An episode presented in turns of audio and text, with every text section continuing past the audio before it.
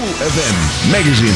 We zijn een beetje dichterbij gekomen terwijl het hier een beetje hoogst van de regen. Maar we proberen ons best te doen om het eh, zo goed mogelijk te vertellen. Hier samen met Jan Snoei, de voormalige stadsarchitect in de jaren eind 60, 70, 80 en begin 90.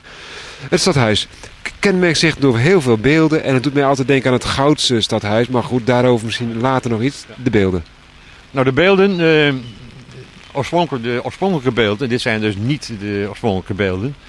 Uh, die zijn namelijk aangebracht, de echte beelden in 1510 zijn die aangebracht.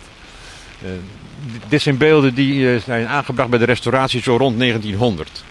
Dus de beelden zijn nu ongeveer een eeuw oud. Dat kan je ook wel zien, want het is echt hakwerk, beeldhouwwerk uit die tijd. Vrij, vrij strak. Het is, allemaal, het allemaal vrij strak. En terwijl als je die oude beelden ziet, die zijn veel, veel ja, moet ik het zeggen, veel soepeler, veel, veel vriendelijker, veel minder, minder hard van uiterlijk. Hè. Dus dit is dus typisch een product van, van die tijd. Ook nog leuk om op te merken, Jan, dacht ik dus dat toen de beelden hier werden aangebracht, dat de voorgevel veel meer gekleurd was. Er zat veel meer kleur in de gevel.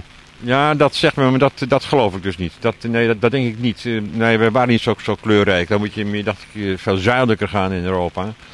Uh, kleur in, in, oude binnensteden, dat is toch een, een, vraagstuk waar men wat, uh, ja, waarover wordt gediscussieerd op het ogenblik. Men wil de steden wat kleurrijker maken.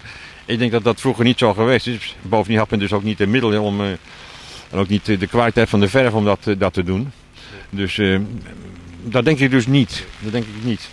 Het is wel leuk om te vertellen dat de gevel is, denk ik een jaar of 15 geleden, compleet onder handen, misschien 10 à 15 jaar geleden, onder handen genomen.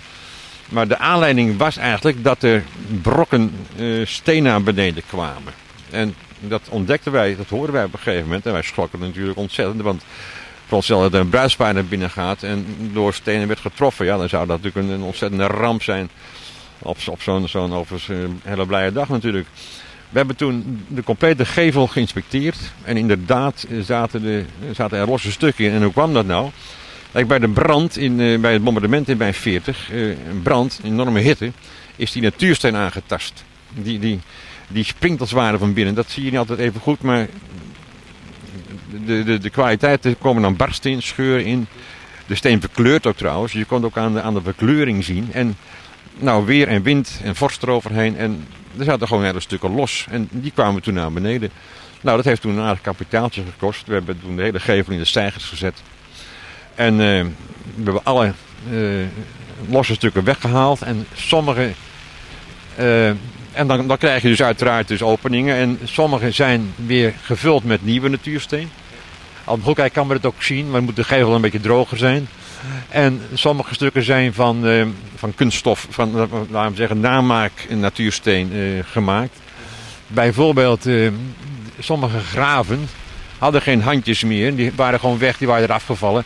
Dus we hebben daar kunstnatuursteen handjes gemaakt. En die zitten met, pen en, met pennen aan elkaar vast. Dus de, de graven hebben weer handjes en de gravinnen ook weer handjes. De scepters, sommige waren verdwenen.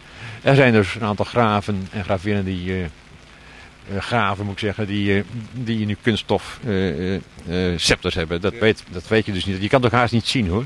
Het is het is heel leuk, hè? ze hebben allemaal een soort prothese gekregen. Ze hebben een prothese gekregen, precies. En normaal, dat was, ja, ik heb er nogal dia's van, maar je, er waren, sommigen hadden geen neus meer en uh, die hebben nou kunstneuzen gekregen en zo.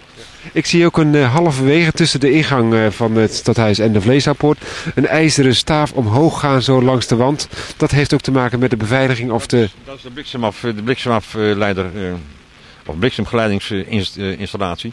Die moet je met zo'n stadhuis natuurlijk wel hebben, ja. Die is boven verbonden met, met de lode goten. En, en alle hoogstaande punten hebben dan zo'n klein spitsje. Je kan hier daar kan er eentje zien. Nou, daar wordt geacht de bliksem op in te slaan als hij inslaat tenminste. En dan wordt hij keurig afgeleid naar, uh, naar de grond, naar de aarde zo gezegd. Ja. Is die ooit ingeslagen dat u weet? Dat weet ik niet, maar ik denk dat bijvoorbeeld uh, zeker Lange Jan, uh, dat daar meerdere malen de bliksem ingeslagen moet zijn. Dat kan, dat kan haast niet anders op zijn hoogpunt. En ook deze toren zal waarschijnlijk wel eens een keer de bliksem hebben ontvangen. Ja, dat geloof ik wel.